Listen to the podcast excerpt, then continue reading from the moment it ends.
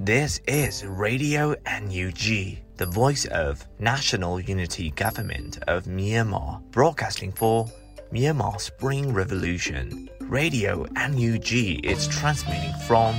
shortwave 16 meter 17.79 megahertz at 8:30 a.m. and 25 meter 11.94 megahertz at 8:30 p.m. Myanmar Standard Time. မင်္ဂလာပါခင်ဗျာ အမျိုးသားညီညွတ်ရေးအစိုးရရဲ့အတန်လွင့်ဌာန Radio NUG ကိုမနက်ပိုင်း၈နာရီခွဲမှာလိုင်းတို16မီတာစက္ကန့်တက်သမ9 MHz ညပိုင်း၈နာရီခွဲမှာလိုင်းတို25မီတာ17တက်သမ6 MHz တို့မှာဓာတ်ရိုက်ဖမ်းယူနိုင်နိုင်ပါပြီမင်္ဂလာအပေါင်းနဲ့ပြည့်စုံကြပါစေအခုချိန်ကစပြီး Radio NUG အစီအစဉ်တွေကိုဓာတ်ရိုက်အတန်လွှင့်ပေးနေပါပြီ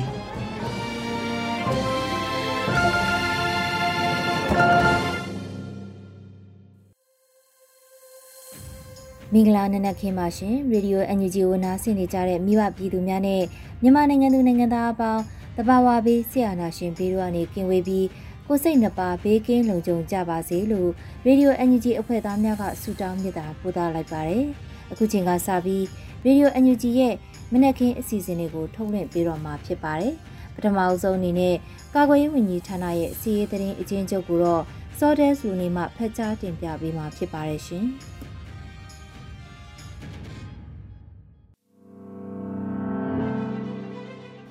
အမျိုးသားညီညွတ်ရေးဆိုရာကာကွယ်ရေးဝန်ကြီးဌာနမှနိုင်စဉ်ထုတ်ဝေတဲ့ဇေယျသတင်းအကျဉ်းချုပ်များကိုစတင်တင်ပြပေးပါတော့မယ်။သတင်းများအရရန်သူတပ်သား၈ဦးသေဆုံးပြီးထိခိုက်ဒဏ်ရာရရှိသူရေအတွက်ကိုတော့စုံစမ်းဆဲဖြစ်ကြောင်းသတင်းရရှိပါရခင်ဗျာ။စစ်ကောင်စီနဲ့တိုက်ပွဲဖြစ်ပွားမှုများမှာကရင်နီကရပြည်နယ်တွင် မတ်လ6ရက်နေ့မနက်9:45မိနစ်ခန့်ကတန်လင်းအရှိချံစပိုင်လေစိတ်နှင့်ဝေပူလောင်ကြားနတ်ပန်းချောင်းဘေးတွင်အခြေပြုထားသည်ရန်သူရှေ့တန်းလွိုင်းကောအခြေဆိုင်ခလာရ54တန်းနှင့်နေကြားဆောင်တပ်များပူးတွဲထိုင်နေသည်ဝေအန်တပ်စခန်းတစ်ခုကိုကရင်နီကွန်မန်ဒိုတပ်ဖွဲ့ကဝင်ရောက်တိုက်ခိုက်ခဲ့ရာရန်သူတပ်သား6ဦးသေဆုံးပြီးကြံတပ်သားများမှထွက်ပြေးသွားခဲ့ပါသည်၎င်းတိုက်ပွဲတွင် ကရင်နီကွန်မန်ဒိုတပ်ဖွဲ့များကရန်သူတပ်၏60မမတလက်စနိုက်ပါတလက် MA1 တလက် MA2 နှစ်လက် MA4 နှစ်လက်တို့ကိုတင်ဆက်ရရှိခဲ့ကြောင်းသိရရှိပါရခင်ဗျာမန္တလေးတိုင်းတွင်မတ်လ6ရက်နေ့ညနေ9:00နာရီခန့်ကမြင်းကြံမြို့နယ်အခြေဆိုင်တပ်မ69လက်အောက်ခံခမရ15ခေကို MG6 ပျောက်ကြားတပ်မြင်းကြံကလက်နက်ကြီးဖြင့်တိုက်ခိုက်ခဲ့သောကြောင့်ရန်သူတပ်သား2ဦးသေဆုံးသွားခဲ့ကြောင်းသိရရှိပါရခင်ဗျာ မတ်လ6ရက်နေ့မနက်7:00နာရီခန့်ကတောင်သာမြို့နယ်အရှိချောင်းစုံကျေးရွာရှိဖုန်ရင်ကျောင်းထဲတွင်တပ်ဆွဲထားသောရန်သူတပ်များကိုဒေသခံကာကွယ်ရေးတပ်ဖွဲ့များကဒရုန်းဖြင့်ပုံချတိုက်ခိုက်ခဲ့ကြောင်းသိရရှိပါရခင်ဗျာတနင်္လာရီတိုင်းတွင် မတ်လ6ရက်နေ့နနက်ပိုင်းတွင်လောင်းလုံးမြို့နယ်၌ရန်သူတပ်သားပြူစောတိဖွဲ့များနှင့်ပြည်သူ့ကာကွယ်ရေးတပ်တို့နှစ်ဖက်တိုက်ပွဲဖြစ်ပွားခဲ့ပြီးရန်သူရေတပ်ကသဘောစိတ်ရွာနှင့်ကရင်ကြီးရွာကိုရေချောင်းနှင့်တောင်ကုန်းပေါ်မှနှစ်ဖက်ညက်ပြီးလက်နက်ကြီးများဖြင့်ပစ်ခတ်ခဲ့ရာနှစ်ဖက်တိုက်ပွဲအခြေအနေအသေးစိတ်နှင့်လက်နက်ကြီးကြောင့်ထိခိုက်မှုအသေးစိတ်ကိုစုံစမ်းနေဆဲဖြစ်ကြောင်းတင်ပြရရှိပါရခင်ဗျာစစ်ကောင်စီကျူးလွန်သောရာဇဝတ်မှုများမှာတနင်္လာရီတိုင်းတွင်မတ်လ6ရက်နေ့မနက်10:00နာရီခန့်က ပလုံးမြို့နယ်ကလေးကျေးရွာရှိကွန်သီကြံမိရှို့ခံရပြီးကြက်သိန်းတထောင်ဝန်းကျင်ကဆုံးရှုံးသွားခဲ့ပါတယ်။ကလေးရွာပြင်တရားကြီးအောက်ကွန်သီကြံအတွင်းရှိတဲနှလုံးကိုရန်သူတပ်သားများကဝင်ရောက်မိရှို့ခဲ့ရာကွန်ကြံကိုမိကူဆက်သွားပြီးဆုံးရှုံးခဲ့ရခြင်းဖြစ်ပါတယ်။ရင်းအပြင်တဲတွင်ရှိအိမ်သုံးပစ္စည်းများအပါအဝင် ရေးဆုပ်ဆက်နှလုံးနဲ့လဲထွန်ဆက်တစည်းလဲမီးလောင်ပျက်စီးသွားခဲ့ကြောင်းသိရရှိပါရခင်ဗျာ။အခုတင်ပြပေးခဲ့တဲ့သတင်းကိုတော့ မြေပြင်သတင်းတာဝန်ခံများနဲ့သတင်းဌာနများမှဖော်ပြလာသောအချက်လက်များပေါ်တွင်အခြေခံပြုစုထားခြင်းဖြစ်ပါတယ်ကျွန်တော်စောတဲလူနေပါ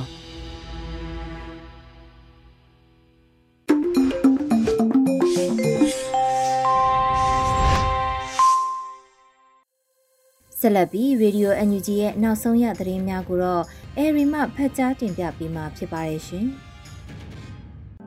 မင်္ဂလာမနက်ခင်းပါရှင်။ 2023ခုနှစ်မတ်လ10ရက်နေ့ Radio NUG မနက်ခင်းပြည်တွင်သတင်းတွေကိုတင်ပြပေးတော့မှာဖြစ်ပါတယ်။ကျွန်မကတော့ Airy ပါရှင်။ပထမအဦးဆုံးအနေနဲ့နိုင်ငံရေးနည်းလမ်းနဲ့စစ်အာဏာရှင်ကိုတော်လှန်နေရတယ်လို့လက်နက်ကင်လမ်းစဉ်နဲ့လည်းစစ်အာဏာရှင်ရန်တရားကိုဖြိုဖျက်တော်လှန်နေကြရတယ်လို့ယာယီသမ္မတပြောကြားလိုက်တဲ့သတင်းကိုတင်ပြပေးပါမယ်။အမျိုးသားညီညွတ်ရေးအစိုးရရဲ့ကိုမြင့်ဆောင်2023အစိုးရဖွဲ့အစည်းအဝေးမှာယာယီသမ္မတဒူဝါလက်ရှိလာကအခုလိုပြောကြားခဲ့ပါတယ် ကျွန်တော်တို့အစိုးရအဖွဲ့ဝင်တွေအားလုံးသိကြတဲ့အတိုင်းကျွန်တော်တို့ဟာလက်ရှိဒေါ်လာရေးအချိန်ကာလကိုရောက်နေပါတယ်။တစ်ဖက်မှာလည်းခုခံဒေါ်လာစစ်ကိုဆင်နွှဲနေရတဲ့နိုင်ငံရေးနည်းလမ်းနဲ့ဆီအာနာရှင်ကိုတော်လှန်နေရတယ်လို့လက်နက်ကင်လမ်းစဉ်နဲ့လည်းဆီအာနာရှင်ရန်ရာကိုဖြိုဖျက်တော်လှန်နေကြရပါတယ်နေ့စဉ်နဲ့အမျှလက်နက်ကင်ပြိပခါနဲ့ကျွန်တော်တို့လူအဖွဲ့အစည်းကကြုံတွေ့နေရပါတယ်လို့ရှားရီသမရကပြောပါတယ်လက်ရှိမှာမြို့သားညီညွတ်ရေးအစိုးရဟာစီရေးအချိန်ကိုမြင့်တင်လျက်ရှိပြီးတနှစ်တာမဟာဗျူဟာစီမံချက်ကိုရေးဆွဲပြီးတော်လှန်ရေးကိုအကောင့်ထဲပေါ်ဆောင်ရွက်လျက်ရှိနေပါတယ်ရှင်။ အကြမ်းဖက်လူသက်နေတဲ့စစ်ကောင်စီရဲ့လှုပ်ဆောင်ချက်တွေနဲ့ပတ်သက်ပြီးကဘာကများများသိအောင်ချပြဖို့ပြည်ထောင်စုဝန်ကြီးချုပ်တိုက်တွန်းပြောကြားခဲ့တဲ့သတင်းကိုလည်းတင်ပြပေးပါမယ်။မလ9ရက်နေ့ကကျင်းပခဲ့တဲ့အမျိုးသားညီညွတ်ရေးအစိုးရအဖွဲ့အစည်းအဝေးမှာပြည်ထောင်စုဝန်ကြီးချုပ်မန်ဝင်းခိုင်တန်းကအခုလိုတိုက်တွန်းပြောကြားခဲ့တာပါ။ကာကွယ်ရေးဝန်ကြီးဌာနအနေနဲ့စစ်ဒေသတစ်ဘက်မှာတာဝန်ယူထားသူတွေနဲ့စနစ်တကျဆွေးနွေးတိုင်ပင်ပြီးကျွန်တော်တို့ရဲ့ပြည်သူတွေကိုရနိုင်သလောက်အကောင်းဆုံးနည်းလမ်းတွေရှာဖွေပြီးကာကွယ်ဖို့ကြိုးစားသွားရမှာဖြစ်ပါတယ်။နိုင်ငံခြားရေးတာဝန်ရှိသူတွေနဲ့လူခွင့်ရေးဆိုင်ရာဝန်ကြီးဌာန တရားရေးဝန်ကြီးဌာနတို့အနေနဲ့လည်းအခုလိုဆိုးဆိုးဝါးဝါအကြမ်းဖက်လူတက်နေတဲ့စစ်ကောင်စီရဲ့လှုပ်ဆောင်ချက်တွေနဲ့ပတ်သက်ပြီးကဘာကများများသိအောင်ချပြဖို့နဲ့တရားမျှတမှုတွေပြန်လည်ဆောင်ကျဉ်ပေးနိုင်မှုအတွက်စ조사ပေးကြဖို့တိုက်တွန်းပြောကြားလိုပါတယ်လို့ဝန်ကြီးချုပ်ကပြောပါတယ်မလအတွင်းမှာစကိုင်းတိုင်းစကိုင်းမြို့နယ်တာတိုင်ကျေးရွာကပြည်သူ18ဦးကိုအကြမ်းဖက်စစ်တပ်ကဖမ်းဆီးခေါ်ဆောင်သွားခဲ့ပြီးလမ်းမိုင်းတနေရာမှာတပ်ဖြတ်ခဲ့တာဖြစ်ပါတယ်ရှင်။ အခုဆက်လက်ပြီးအမတ်တစ်စစ်ဒေသမှာ15လအတွင်းတိုက်ပွဲပေါင်းအကြိမ်ရေ2400ကျော်ဖြစ်ပွားခဲ့ပြီးရန်သူ4400ကျော်တိတ်ဆုံးခဲ့တယ်လို့ကာကွယ်ရေးဝန်ကြီးဌာနကထုတ်ပြန်လိုက်တဲ့သတင်းကိုတင်ပြပေးပါမယ်။မက်လာ9ရက်နေ့မှာ NUG ကာကွယ်ရေးဝန်ကြီးဌာနကစီရေးသတင်းထုတ်ပြန်ချက်ကိုအခုလိုထုတ်ပြန်ခဲ့ပါတယ်အမတ်တစ်စစ်ဒေသစကိုင်းတိုင်းမကွေးတိုင်းမန္တလေးတိုင်းရှမ်းပြည်နယ်မြောက်ပိုင်းတို့မှာ2021ခုနှစ်အောက်တိုဘာလကနေ2022ခုနှစ်ဒီဇင်ဘာလအထိ15လအတွင်းတိုက်ပွဲပေါင်း2460ကြိမ်ဖြစ်ပွားခဲ့ပြီး ရန်သူ4468ဦးသေဆုံးခဲ့၍4618ဦးထိခိုက်ဒဏ်ရာရရှိခဲ့ပါတယ်လို့ဖော်ပြထားပါတယ်။ကာကွယ်ရေးရဲဘော်တွေဘက်က362ဦးတော်လှန်ရေးအတွက်အသက်ပေးလူခဲ့ရပြီး486ဦးထိခိုက်ဒဏ်ရာရရှိခဲ့ပါတယ်။ရန်သူထံကလက်နက်မျိုးစုံ189လက်အပါအဝင် KMA ကြောင့်အမြောင်များကိုလည်းတင်စီရမိခဲ့ပါတယ်။တိုက်ပွဲတွေကိုအမတ်တစ်စစ်ဒေသကိုကဲမှုအောက်က PDF ပကဖနဲ့ EAO စပူပေါင်းအဖွဲ့တွေကဆင်နွှဲခဲ့တာဖြစ်တယ်လို့ကာကွယ်ရေးဝန်ကြီးဌာနကထုတ်ပြန်ထားပါတယ်ရှင်။ အမျိုးသားညီညွတ်ရေးအစိုးရဖွဲ့အစည်းအဝေးမှာ2022ပြည်ထောင်စုအခွန်ကောက်ဥပဒေကိုအတည်ပြုချက်ရယူဖို့တင်ပြခဲ့တဲ့အကြောင်းအရာကိုလည်းတင်ပြပေးပါမယ်။အမျိုးသားညီညွတ်ရေးအစိုးရရဲ့၉ချိန်မြောက်အစိုးရဖွဲ့အစည်းအဝေးမှာအခုလိုတင်ပြခဲ့တာပါ။အစည်းအဝေးမှာစီမံကိန်းဗဏ္ဍာရေးနဲ့ရင်းနှီးမြှုပ်နှံမှုဝန်ကြီးဌာနဒုတိယဝန်ကြီးဦးမင်းစရာဦးက2022ပြည်ထောင်စုအခွန်ကောက်ဥပဒေတင်ပြအတည်ပြုချက်ရယူဖို့တင်ပြခဲ့တယ်လို့သတင်းရရှိပါတယ်။အစည်းအဝေးကိုယာယီသမ္မတဒူဝါလက်ရှိလာပြည်ထောင်စုဝန်ကြီးချုပ်မန်ဝင်းခိုင်တန်းတို့အပါအဝင် ပြည်ထောင်စုဝန်ကြီးတွေနဲ့ဒုတိယဝန်ကြီးတွေတက်ရောက်ခဲ့ကြတယ်လို့လည်းသိရှိရပါတယ်ရှင်။အခုတခါတော်လိုင်းအငွေအသက်အပြည့်နဲ့အမှုပညာလက်ရမြောက်ပကြီးကားဆယ်ကားတိတိပြန်လည်ရရှိမဲ့ကြည်အတွက်ပကြီးပကြီးရဲ့ကြည်လို့အမည်ရတဲ့ကမ်ပိန်းမှာလက်နက်ဆောင်ရည်ပေါင်းတထောင်ရောင်းချမယ်ဆိုတဲ့သတင်းကိုတင်ပြပေးပါမယ်။မလအတွင်းမှာမြို့ပြတော်လှန်ရေးတပ်ဦး Urban Revolutionary Front URF ကဖော်ပြပါတယ်။ နိုင်ငံရခြားရောက်ရှိနေတဲ့ပကြီးဆရာဆရာမတွေကပေးပို့လှူဒန်းလာတဲ့ဒေါ်လာရေးအငွေသက်အပြည့်နဲ့အမှုပညာလက်ရမြောက်ပကြီးကားဆယ်ကားတိတိပြန်လည်ရရှိမဲ့အစီအစဉ်မှာပါဝင်ပြီးမြို့ပြဒေါ်လာရေးတပ်ဦး Urban Revolutionary Front URF အတွက်ထောက်ကူပေးပါမက်လနဲ့ဧပြီလအသီးသီးမှာလက်မှတ်ဆောင်ရည်ပေါင်း1000ရောင်းရဖို့ရှိရွယ်ပါတယ်လို့ဖော်ပြထားပါတယ်လက်မှတ်တန်ဖိုးကတော့တစ်ဆောင်ကို3000ကျပ်တိတိဖြစ်ပြီး URF Facebook စာမျက်နှာနဲ့ Telegram Channel တို့မှာလက်မှတ်ဝယ်ယူရရှိနိုင်မယ်လို့လည်းသတင်းရရှိပါတယ်ရှင်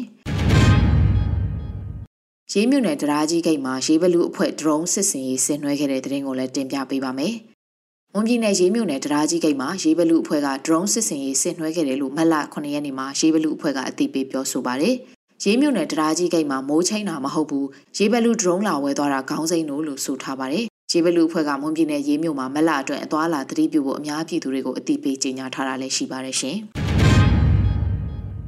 အခုဆက်လက်ပြီးတန်လွင်အရှိချံစွတ်ပိုင်လေးစိတ်နဲ့ဝေပူလောင်ကြားနန့်ပန်ချောင်းဘေးမှာအခြေပြုတ်နေတဲ့အကျန်းဖက်စစ်ကောင်စီတပ်ရဲ့ဝေအမ်စခန်းကြပြီးစစ်ကောင်စီတပ်တွေစခန်းစွန့်ခွာထွက်ပြေးခဲ့ရတဲ့တဲ့ရင်ကိုတင်ပြပေးပါမယ်။မလ9ရက်နေ့မှာ KNY စစ်ဖက်ဆိုင်ရာဗဟိုသတင်းထုတ်ပြန်ရေးအဖွဲ့ကအခုလိုအသိပေးထုတ်ပြန်ပါတယ် တန်လွင်အရှိချမ်းစွတ်ပိုင်လေးစိမ့်နဲ့ဝေပူလောင်ကြားနန့်ပန်ချောင်းဘေးမှာအခြေပြုတ်နေတဲ့အကြမ်းဖက်စစ်ကောင်စီတပ်ရှေ့တန်းခလာရ54နဲ့နေကြားဆောင်တပ်တို့ပူးတွဲထိုင်တဲ့ဝေ1တပ်စခန်းတစ်ခုကိုကရင်နီကွန်မန်ဒိုတပ်ဖွဲ့ကမက်လာ6ရက်နေ့မနက်အစောပိုင်းမှာရုတ်တရက်ဝင်ရောက်စီးနင်းတိုက်ခိုက်ခဲ့ပါတယ်လို့ဖော်ပြပါတယ်တိုက်ပွဲမှာအကြမ်းဖက်စစ်ကောင်စီတပ်က6ယောက်သေဆုံးပြီးလက်နက်ခဲယမ်းတွေဖြစ်တဲ့60မမတလက်စနိုက်ပါတလက် MA1 တလက် MA2 နှစ်လက်နဲ့ MA4 နှစ်လက်စုစုပေါင်းတပ်နက်9လက်တင်စီရမိခဲ့ပြီး ကြန့်ရှိစစ်ကောင်စီတပ်သားတွေကတော့ထွက်ပြေးလွတ်မြောက်သွားခဲ့တယ်လို့သတင်းရရှိပါတယ်ရှင်။ပေါမြို့နယ်နှောပေါရွာကနေထွက်ခွာသွားတဲ့စစ်ကောင်စီတပ်တွေအရက်သား6ဦးကိုပါဖမ်းဆီးခေါ်ဆောင်သွားခဲ့ကြတယ်ဆိုတဲ့သတင်းကိုလည်းတင်ပြပေးပါမယ်။မကွေးတိုင်းပေါမြို့နယ်နှောပေါရွာကနေထွက်သွားတဲ့စစ်ကောင်စီတပ်တွေဟာအရက်သား6ဦးကိုပါဖမ်းဆီးခေါ်ဆောင်သွားခဲ့တယ်လို့မလ9ရက်နေ့မှာစစ်ကောင်စီတပ်တွေရဲ့ကျူးလွန်မှုကိုဒေသခံအရှင်းမြစ်တွေကအခုလိုအတည်ပြုပြောဆိုပါတယ်။ မြိုင်ပခုတ်ကူပေါက်၃မြို့နယ်အဆက်မှာစစ်ကြောင်းထိုးနေတဲ့စစ်ကောင်စီတပ်တွေဟာမလ9ရက်ညနေ3နာရီခန့်ကသုံးမြို့နယ်အဆက်ရှိပေါက်နယ်နှောပေါက်ရွာကနေထွက်သွားပြီးနှောပေါက်ရွာကပြည်သူ6ဦးကိုဖမ်းဆီးခေါ်ဆောင်သွားပါတယ်လို့ဆိုပါတယ်။မြိုင်နယ်မြောက်ပိုင်းကန်နီရွာပြည်စခန်းကနေထွက်ခွာလာပြီးကုန်းတော်ရွာကိုဝင်ရောက်ခဲ့တဲ့စစ်ကောင်စီတပ်တွေဟာလည်းကုန်းတော်ရွာကပြည်သူပိုင်ကားနဲ့ဆိုင်ကယ်တချို့ကိုမိရှို့ဖျက်ဆီးသွားတယ်လို့သိရှိရပါတယ်ရှင်။အခုနောက်ဆုံးတင်ပြပေးခြင်းတဲ့တင်ကတော့ ရေစကြိုမြို့နယ်အမှတ်9ရပ်ကွက်ကဘုံကြီးကျောင်းမှာတက်ဆွဲထားတဲ့စစ်ကောင်စီတပ်တွေနဲ့ပြူတွေမိုင်းထိခဲ့တဲ့အကြောင်းအရာပဲဖြစ်ပါတယ်။ရေစကြိုမြို့နယ်အမှတ်9ရပ်ကွက်ကတ်ကျော်ဘုံကြီးကျောင်းမှာတက်ဆွဲထားတဲ့စစ်ကောင်စီတပ်နဲ့ပြူတွေမိုင်းထိခဲ့တယ်လို့မလ9ရက်နေ့မှာစစ်ရေးတဲ့တင်ကိုရေစကြိုပြည်သူ့ကာကွယ်ရေးတပ်ကအတည်ပြုဆိုပါတယ်။ရေစကြိုမြို့နယ်အမှတ်9ရပ်ကွက်ကတ်ကျော်ဘုံကြီးကျောင်းနဲ့တက်ဆွဲထားသောစစ်ကောင်စီတပ်နဲ့ပြူများအားမိုင်းဆွဲတိုက်ခိုက်မှုကြောင့်၎င်းတို့အများအပြားထဏ်ရာရပါတယ်လို့ဖော်ပြပါတယ်။ ဘုံကြီးကျောင်းပြင်ပကိုထွက်ခွာလာတဲ့စစ်ကောင်စီတပ်တွေမိုင်းထိပြီး၄ဦးလွင့်ဆွင်ထွက်သွားပြီး၂ဦးလဲကျသွားခဲ့တယ်လို့လည်းသိရှိရပါတယ်။စစ်စင်ရေးဆောင်ရွက်ခဲ့တဲ့ရဲဘော်တွေဘက်ကတော့အထူးကိမရှိပြန်လည်ဆုတ်ခွာနိုင်ခဲ့တယ်လို့လည်းသတင်းရရှိပါတယ်ရှင်။အခုတင်ပြပေးခဲ့တဲ့သတင်းတွေကိုတော့ Radio NUG သတင်းတောင်မင်းတီဟန်ကပေးပို့ထားတာဖြစ်ပါတယ်ရှင်။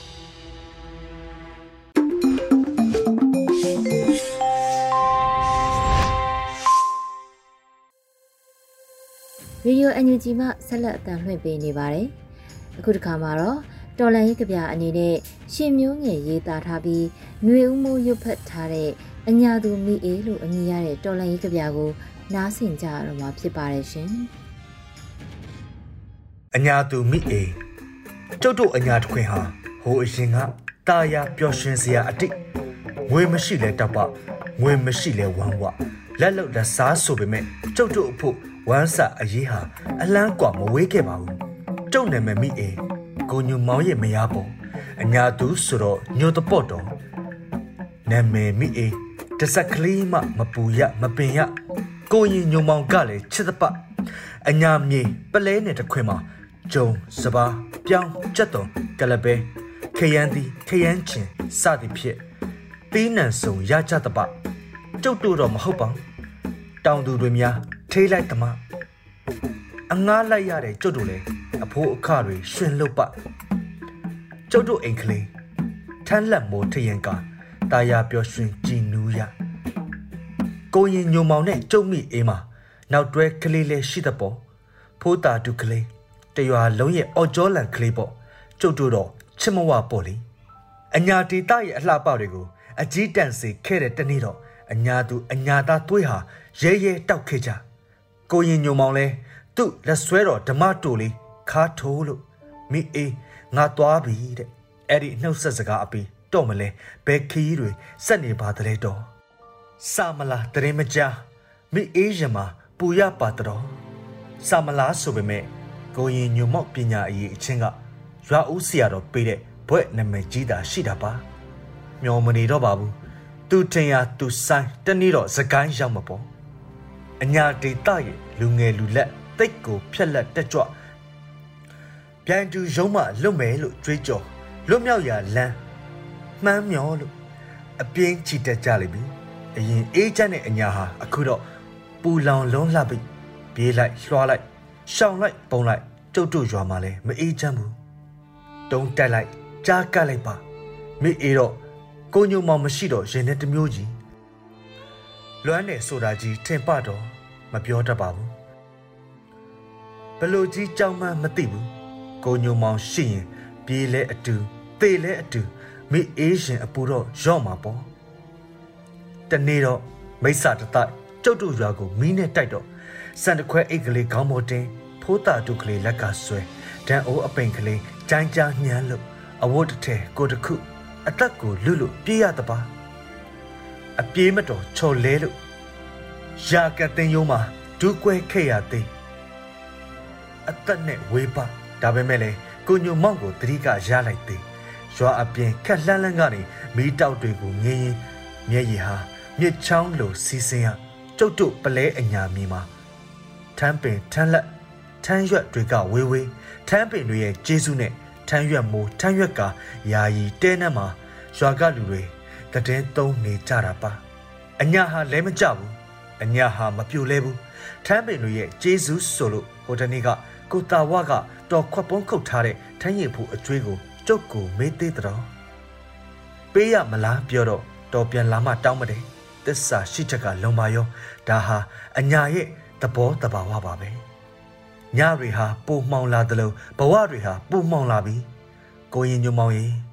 မောင်မိုက်လွန်းလေလေကျယ်တွေကတောက်ပလေလေလို့တော့ကြားဘူးနားဝရှိတာပဲ အဲ့ဒါနဲ့ကျယ်တွေကိုကြည့်နေမိတာပါအစားမတော်တလို့အသွားမတော်တလှမ်းအဆဆအရာရာတတိရှိပါကိုညုံမောင်လင်းအာယုံရောင်နီတန်းရင်အောင်ပွဲနဲ့အတူပြန်လာမဲ့ကိုရင်ညုံမောင်အတွက်အောင်တပြေညောင်ရီလောင်းကတောင်းစုတွေအထက်ထက်ချွေးလို့တော့မရအညာသူမိအိမ်ရွှေရင်အေးချမ်းချင်စမ်းပါပြီလေအရှင်မျိုးငယ်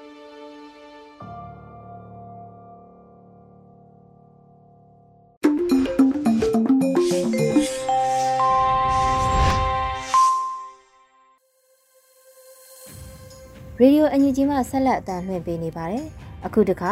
ရိုဟင်ဂျာဒုက္ခသည်စကန်မီလောင်နောက်ထပ်ဆယ်ကနန်းနဲ့ချီတဲ့အရက်သားတွေတပ်ဖြတ်ခံရတဲ့ပြည်ရတစ်ခုလို့အမည်ရတဲ့မုံမခဆောင်းပါးကိုမျိုးဦးမောင်မှဖတ်ကြားတင်ပြပေးတော့မှာဖြစ်ပါတယ်ရှင်။မြန်မာနေဦးခရိုနီကယ်မတ်လ6ရက်မြင်ကွင်းမိုးမခဆောင်ပါပဲဖြစ်ပါတယ်။ခေါင်းစဉ်ကတော့ရိုဟင်ဂျာဒုက္ခသည်စခန်းမီလောင်နောက်ထပ်ဆယ်ကနန်းနဲ့ချီတဲ့အရက်သားတွေ တပ်ဖြတ်ခံရတဲ့ဖြစ်ရပ်တစ်ခုပဲဖြစ်ပါတယ်။2019ခုနှစ်စစ်တပ်ရဲ့လူမျိုးတုံးတပ်ဖြတ်မှုတွေကြောင့်မြန်မာနိုင်ငံကနေအိန္ဒိယဘင်္ဂလားဒေ့ရှ်နိုင်ငံကိုထွက်ပြေးတိမ်းရှောင်သွားခဲ့ကြတဲ့ရိုဟင်ဂျာဒုက္ခသည်စခန်းမှာမတ်လ9ရက်နေ့ကမီးလောင်မှုဖြစ်ပွားပြီးအင်ဂျင်2000ကျော်မီးလောင်ပျက်စီးခဲ့ရတဲ့အကြောင်းသတင်းတွေမှာဖော်ပြထားကြပါတယ်။ 6နှစ်ထဲဝင်လာပြီဖြစ်တဲ့ဒုက္ခသည်ပြဿနာမှာမြန်မာနိုင်ငံဘက်ကထွက်ပြေးသူဒုက္ခသည်ပေါင်း9သိန်းကနေ9သိန်းအထိရှိတဲ့သူတွေကိုဘင်္ဂလားဒေ့ရှ်နိုင်ငံအစိုးရကသတ်မှတ်ထားတဲ့နေရာအတွင်းနေထိုင်ကြရတာဖြစ်လို့စူးစီးပြတ်သိမ့်နေတဲ့နေအိမ်တွေ ဖတ်နဲ့ဝါလိုမျိုးနဲ့ဆောက်လုပ်ထားကြတဲ့နေအိမ်တွေဖြစ်လို့မိလောင်မှုဖြစ်ပွားတဲ့အခါတားဆီးဖို့ခက်ခဲတာမြန်မြန်ဆန်းဆန်းလောင်ကျွမ်းတာတွေဖြစ်ပွားခဲ့တဲ့လက္ခဏာတွေတွေ့ရပြီးဒုက္ခသည်200လောက်မိသားစုတွေနဲ့꿰ပြီးပျောက်ဆုံးနေတဲ့အကြောင်းသတင်းတွေနဲ့တွေ့ရတာလည်းဖြစ်ပါတယ်။မိလောင်တည်ဆုံးတာလားကလေးတငယ်တွေမိလာမှုအတွင်းလူကွဲသွားပြီးမိသားစုထံပြန်ရောက်တာလားတိတိပပမပြောနိုင်သေးတဲ့အကြောင်းလဲသတင်းတွေထဲပါရှိတာဖြစ်ပါတယ်။ မီးလောင်ရတဲ့အကြောင်းရင်းကိုတဲတဲကွဲကွဲမသိရသေးပေမဲ့ဒေသခံတွေအနေနဲ့ကတော့ရှို့မီးလို့ယုံကြည်နေကြတာဖြစ်ပါတယ်။ပြဿနာအစတင်ဖြစ်ပွားခဲ့တဲ့2018ခုနှစ်ဩဂတ်လကအသက်ဘေးလွတ်အောင်ထွက်ပြေးကြရတဲ့တန်ကနန်းရောက်လူနီရိုဟင်ဂျာတွေအဖို့အခုလိုနှစ်ရှည်လာများဒုက္ခသည်စခန်းတွေမှာနေကြရလိမ့်မယ်လို့ဘယ်သူမှမျှော်လင့်ထားကြမှာမဟုတ်သလိုအိန္ဒိယနိုင်ငံအနေနဲ့လည်းဒီပြဿနာကိုလာပိုင်းသို့မဟုတ် တစ်နှစ်နှစ်နှစ်အတွင်းဖြေရှင်းနိုင်မယ်လို့ယူဆကောင်းယူဆခဲ့ကြတာဖြစ်ပါတယ်။တို့ပေမဲ့မြန်မာနိုင်ငံရဲ့ပြဿနာနဲ့ရိုဟင်ဂျာဒုက္ခသည်ပြဿနာရခိုင်ပြည်နယ်အတွင်းလက်နက်ကိုင်ပြိပခတစ်ကြိမ်ပြီးတစ်ကြိမ်တကြော့ပြီးတကြော့ဖြစ်ပျက်လာနေတာတွေက ပြဿနာကအလွာတလွာတဲ့ဗဟိုချက်တစ်ခုထဲမှာဖြစ်ပွားတာမျိုးမဟုတ်တော့ပဲပြဿနာတစ်ခုကိုဖြေရှင်းဖို့စ조사ချိန်မှာဒီပြဿနာနဲ့အခြားသောအကြောင်းအရာကိုဗဟိုပြုနေတဲ့ပြဿနာကိုပါမဖြေရှင်းနိုင်ခဲ့ရင်မူလဖြစ်ပွားတဲ့ပြဿနာကိုဖြေရှင်းဖို့မလွယ်ကူတဲ့အနေအထားရောက်လာတာမျိုးဖြစ်ပါတယ်။နိုင်ငံသားအခွင့်အရေးဖြစ်ပျက်ခဲ့တဲ့လူထောင်တောင်းချီတပ်ပြတ်ခံရမှုနဲ့ပတ်သက်လို့လက်နက်ကိုင်တပ်ကတာဝန်ရှိသူတွေကိုအရေးယူအပြစ်ပေးရေး နောက်ထပ်အလားတူဖြစ်ရမဖြစ်အောင်အာမခံချက်တွေကရိုဟင်ဂျာပြဿနာအတွက်တောချက်ကိစ္စရပ်တွေဖြစ်ပြီးအဲ့ဒီပြဿနာတွေကိုနိုင်ငံတကာတရားရုံးမှာရင်ဆိုင်ဖြေရှင်းစင်မှာပဲမြန်မာနိုင်ငံမှာစစ်အာဏာသိမ်းမှုဖြစ်ပွားလာတာကြောင့်စစ်အာဏာသိမ်းမှုပြဿနာကရိုဟင်ဂျာပြဿနာရဲ့ရှေ့ကိုရောက်ပြီးပြည်တွင်းနိုင်ငံရေးမှာစစ်အာဏာရှင်တိုက်ဖြတ်ချိန်မုံရေးကပထမဖြစ်လာပြီးအခြားသောပြဿနာတွေကဒုတိယဖြစ်လာတဲ့အနေအထားမျိုးရောက်ရှိသွားတာဖြစ်ပါတယ်။တကယ်တော့စစ်အာဏာရှင်စနစ်က ပြဿနာနှစ်ရပ်စလုံးရဲ့အရင်းခံအကြောင်းတရားလို့ဆိုရင်လည်းဆိုလို့ရပါတယ်။တစ်ဖက်မှာလည်းလူတသန်းနီးနီးလောက်ဒုက္ခသည်စခန်းတွေမှာနေထိုင်ရင်းအလုတ်လောက်ကင်ခွင့်မရကြပညာသင်ခွင့်မရကြတဲ့အနေအထားနဲ့မြန်မာနိုင်ငံရဲ့ဆယ်စုနှစ်ချီကြာမြင့်လာတဲ့စစ်အာဏာရှင်စနစ်စတင်တိုက်ဖြတ်ရေးတို့အကြားဘယ်အရာကပထမဦးစားပေးဖြည့်ရှင်းကြမလဲဆိုတာဆွေးနွေးစရာသဘောထားအမြင်ကွဲလွဲစရာလည်းဖြစ်ကောင်းဖြစ်ပါလိမ့်မယ်မြန်မာနိုင်ငံအတွင်းမှာလည်း နေရက်ကနေစွန့်ခွာထွက်ပြေးတိမ်းရှောင်ရသူအရေအတွက်ကတိန်ကနန်းကနေတန်ကနန်းကျော်လာပြီးလက်ရှိမှာတသန်းခွဲကျော်လောက်ကစစ်ဖေးကြောင့်၎င်းတို့နေအိမ်မှာတိမ်းရှောင်နေကြရတဲ့အနေအထားလည်းဖြစ်ပါတယ်။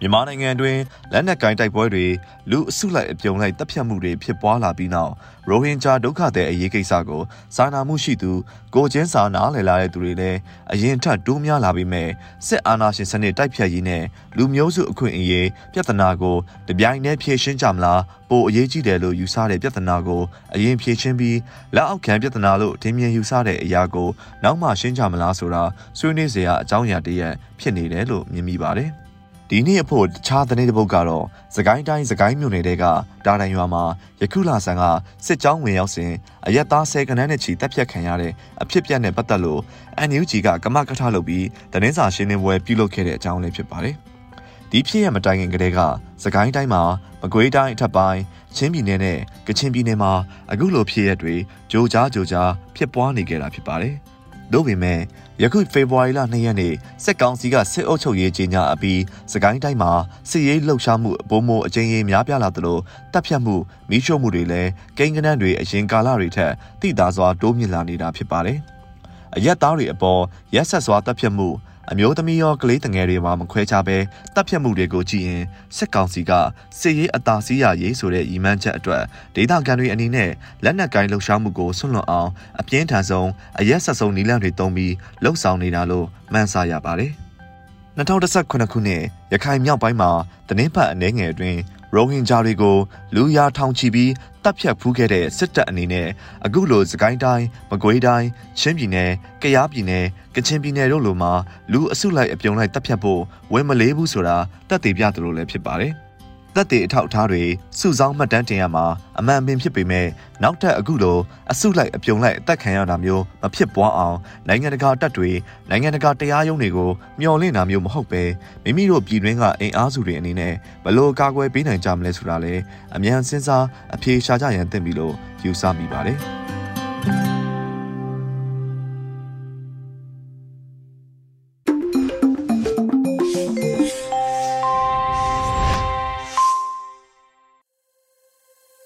မုံမခဆောင်းပါးကိုနားဆင်အပြီးမှာတော့ပြည်သူ့ခုခံစစ်တရင်များကိုနှွေဦးလိပ်ပြမှတင်ပြပေးမှာဖြစ်ပါတယ်ရှင်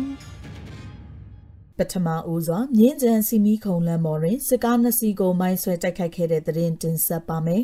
။မန္တလေးတိုင်းမြင်းကြံမြို့နယ်မြင်းကြံစီမီခုံလမ်းမော်တွင်အကြမ်းဖက်စစ်ကောင်စီကားနှစ်စီးကိုမိုင်းဆွဲတိုက်ခိုက်ခဲ့ရာစစ်သား2ဦးသေဆုံးပြီးစစ်ကားတစ်စီးပျက်စီးခဲ့ကြောင်းမျက်မြင်တွေကဆိုပါတယ်။ ယမန်နေ့မတ်လ9ရက်ည7:40မိနစ်40ခန့်ကကြည်ရွာတွင်တက်ဆွဲပြီးမြစ်အနောက်ဘက်ရှိမြောင်မြို့နယ်အတွင်းစစ်ကြောင်းထိုးလှုပ်ရှားနေသောအကြမ်းဖက်စစ်တပ်ထဲမှကားနှစ်စီးဖြင့်မြင်းကြံမြို့ဘက်သို့ထွက်ခွာလာသောအကြမ်းဖက်စစ်သားများကိုမြင်းကြံစီမီခုံလမ်းမပေါ်ကတောရွာနှင့်ရွာရှိရွာကြတွင်ပြည်သူ့ကာကွယ်ရေးတပ်ဖွဲ့များမှမိုင်းငါးလုံးဖြင့်ဖောက်ခွဲတိုက်ခိုက်ခဲ့ရာ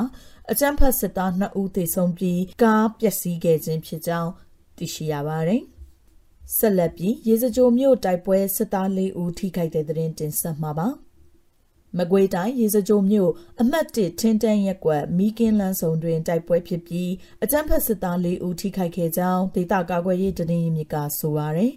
ယမနေ့မတ်လ6ရက်နေ့မိုးလွဲတနာရီခန့်အချိန်ရေစကြိုမြို့နယ်စုပေါင်းယုံနှင့်စေယုံကြီး၌တက်ဆွဲထားသောအကြမ်းဖက်စစ်သားအင်အားတရာခန့်သည် စစ်ကြောင်း၃ကြောင်းခွဲကပြည်သူ့ကာကွယ်ရေးတပ်ဖွဲ့ဝင်များနေရာယူထားသည့်ရက်ကွက်အတွင်းသို့နေကျွန်းဝင်ရောက်လာသဖြင့်မိုင်းဆွဲတိုက်ခိုက်ခဲ့ရာအကြမ်းဖက်စစ်သား၄ဦးသေဆုံးပြီးအများအပြားဒဏ်ရာရရှိခဲ့ကြောင်းပြည်သူ့ကာကွယ်ရေးတပ်ဖွဲ့ဝင်များအထီးအခိုက်မရှိခဲ့ကြောင်းတေဆုံးဒဏ်ရာရအကြမ်းဖက်စစ်သားများကိုရေစကြိုမြို့စေးရုံသို့တည်ဆောင်သွားကြောင်းမြင်းကြံ Black Tiger MBD တပ်ဖွဲ့ကထုတ်ပြန်ထားပါတယ်။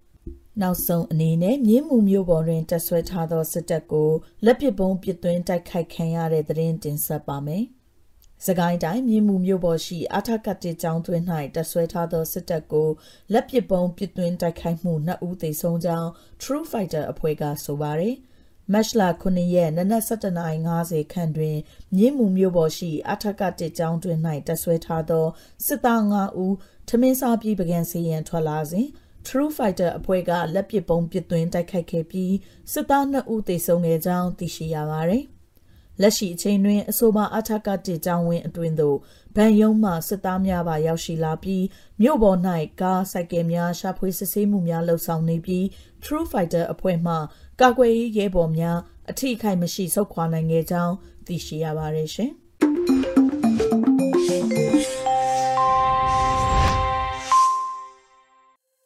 အခုတခါမှာတော့ Radio NUG ရဲ့နောက်ဆုံးအစီအစဉ်အနေနဲ့ PPTV ရဲ့နေ့စဉ်သတင်းများကိုတော့တက်ချက်အင်ဒရာအောင်မှဖတ်ကြားတင်ပြပေးတော့မှာဖြစ်ပါတယ်ရှင်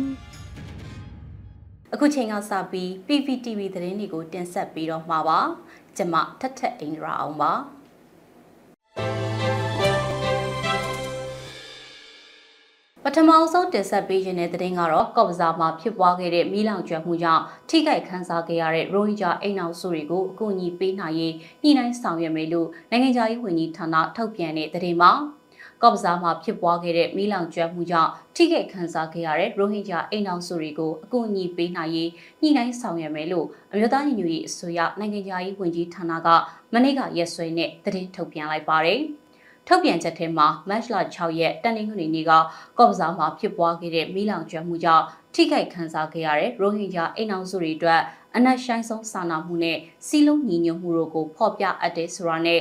UNHCR နိုင်ငံတကာမိတ်ဖက်များဒေသခံရိုဟင်ဂျာအဖွဲ့အစည်းများနဲ့အတူထိခိုက်ခံစားခဲ့ရတဲ့အိမ်အောင်စုတွေအတွက်အကူအညီများပေးနိုင်ရေးညှိနှိုင်းဆောင်ရွက်သွားမှာဖြစ်တယ်လို့ဖော်ပြထားပါတယ်။အမျိုးသားညီညွတ်ရေးအစိုးရအနေနဲ့ရိုဟင်ဂျာဒုက္ခသည်တွေအတွက် ရည်တူလိုအပ်ချက်တွေကိုဖြည့်ဆည်းပေးနိုင်ရေးကြိုးပမ်းဆောင်ရွက်နေစဉ်မှာ၎င်းတို့ရဲ့ဆင်းရဲဒုက္ခတွေကိုအဆုံးသတ်နိုင်ရတဲ့မြန်မာနိုင်ငံမှာရှိတဲ့၎င်းတို့ရဲ့နေရများကိုဘေးကင်းလုံခြုံပြီးတော့ရရှိတည်တံ့သောနီလန်နဲ့ပြန်လည်နေထိုင်နိုင်ရေးအားကိုညီဆောင်ရွက်ပေးနိုင်ရန်တို့အတွက်ရရှိဖြည့်ရှင်းနည်းတစ်ခုကိုလိုအပ်ကြောင်းအတိအမှတ်ပြုလက်ခံတယ်လို့ဆိုထားပါတယ်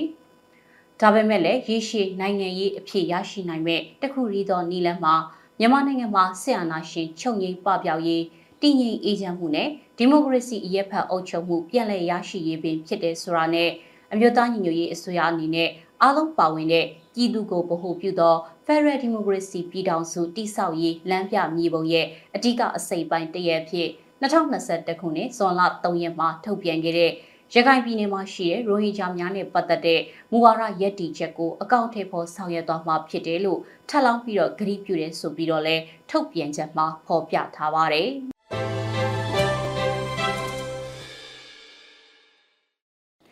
အခုတခါတင်ဆက်ပေးချင်တာကတော့မြန်မာစစ်ကောင်စီရဲ့အကြမ်းဖက်မှုတွေဟာလူသားတို့တရလုံးကိုမထိမဲ့မြည်ပြုနေတာဖြစ်တယ်လို့လူ့ခွင့်ဆိုင်ရာမဟာမင်းကြီးပြောကြားလိုက်တဲ့သတင်းမှာမြန်မာစစ်တပ်ကနေလူအသက်တွေကိုအလေးနဲ့မထားမှုဂယုမဆိုင်မှုတွေဟာလူသားတို့တရလုံးကိုမထိမဲ့မြည်ပြုနေတာဖြစ်တယ်လို့လူ့ခွင့်ဆိုင်ရာမဟာမင်းကြီးကပြောကြားလိုက်ပါတယ်။ မြန်မာပြည်ဟာအကြမ်းဖက်စစ်ကောင်စီရဲ့အာဏာသိမ်းမှုနှစ်နှစ်ကျော်ကာလအတွင်းမှာပဲမျှော်လင့်ချက်တွေဟာမရှိသလောက်ရှားပါနေပြီဖြစ်တယ်လို့ကုလလူခွင့်ရေးဆိုင်ရာမဟာမင်းကြီးဖော်ကာထတ်ကပြောကြားလိုက်ပါတယ်။စစ်တပ်ရဲ့ထိန်းချုပ်မှုအောက်မှာမြန်မာပြည်သူတွေဟာစိုးဝါပြင်းထန်တဲ့လူခွင့်ရေးချိုးဖောက်မှုတွေလူသားချင်းစာနာမှုအကျက်တဲနဲ့စီးပွားရေးအကျက်တဲတွေကြုံတွေ့နေရပြီးတော့စီးရေးပရိပခတိုက်ခိုက်မှုတွေလည်းနိုင်ငံအနှံ့ပို့ဆိုးလာနေတယ်လို့ဆွစ်ဇာလန်နိုင်ငံဂျနီဖာမှာမတ်လ6ရက်ကပြုလုပ်တဲ့ 52ကြိမ်မြောက်လူ့အခွင့်အရေးကောင်စီညီလာခံမှာလူ့အခွင့်အရေးဆိုင်ရာမဟာမင်းကြီးကပြောလိုက်တာပါလူ့အခွင့်အရေးဆိုင်ရာမဟာမင်းကြီးရုံရဲ့စုံစမ်းတွေ့ရှိမှုတွေအရစစ်ကောင်စီဟာဒုတိယနှစ်အတွင်းမှာပဲလေကြောင်းကနေတိုက်ခိုက်မှု141ရာခိုင်နှုန်းအထိတိုးလာတယ်လို့ဆိုပါတယ်အကြမ်းဖက်စစ်ကောင်စီကနေစာတင်ကြောင်းစေယုံနဲ့ဖျားเจ้าတွေအပါအဝင်အရက်ဘတ်အစာအုပ်တွေကိုလက်နက်ကြီးနဲ့ပစ်ခတ်မှု100ရာခိုင်နှုန်းစစ်ကောင်စီတပ်တွေကနိုင်ငံအနှံ့မှာ နေအိမ်တွေမိရှို့ဖျက်ဆီးမှု380ရာခိုင်နှုန်းနဲ့ပျက်စီးဆုံးရှုံးတဲ့နေအရေအတွက်120ရာခိုင်နှုန်းအထိတိုးလာတယ်လို့ဆိုပါတယ်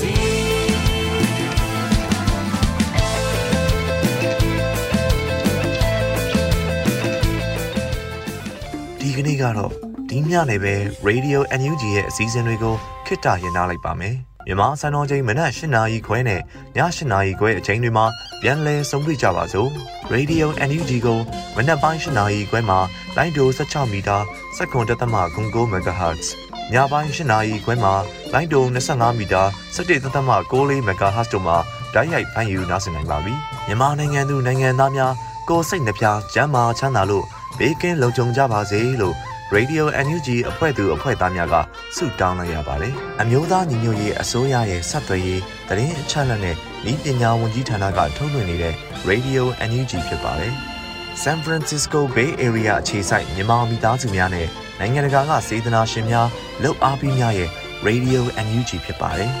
။အရေးတော်ပုံအောင်ရမည်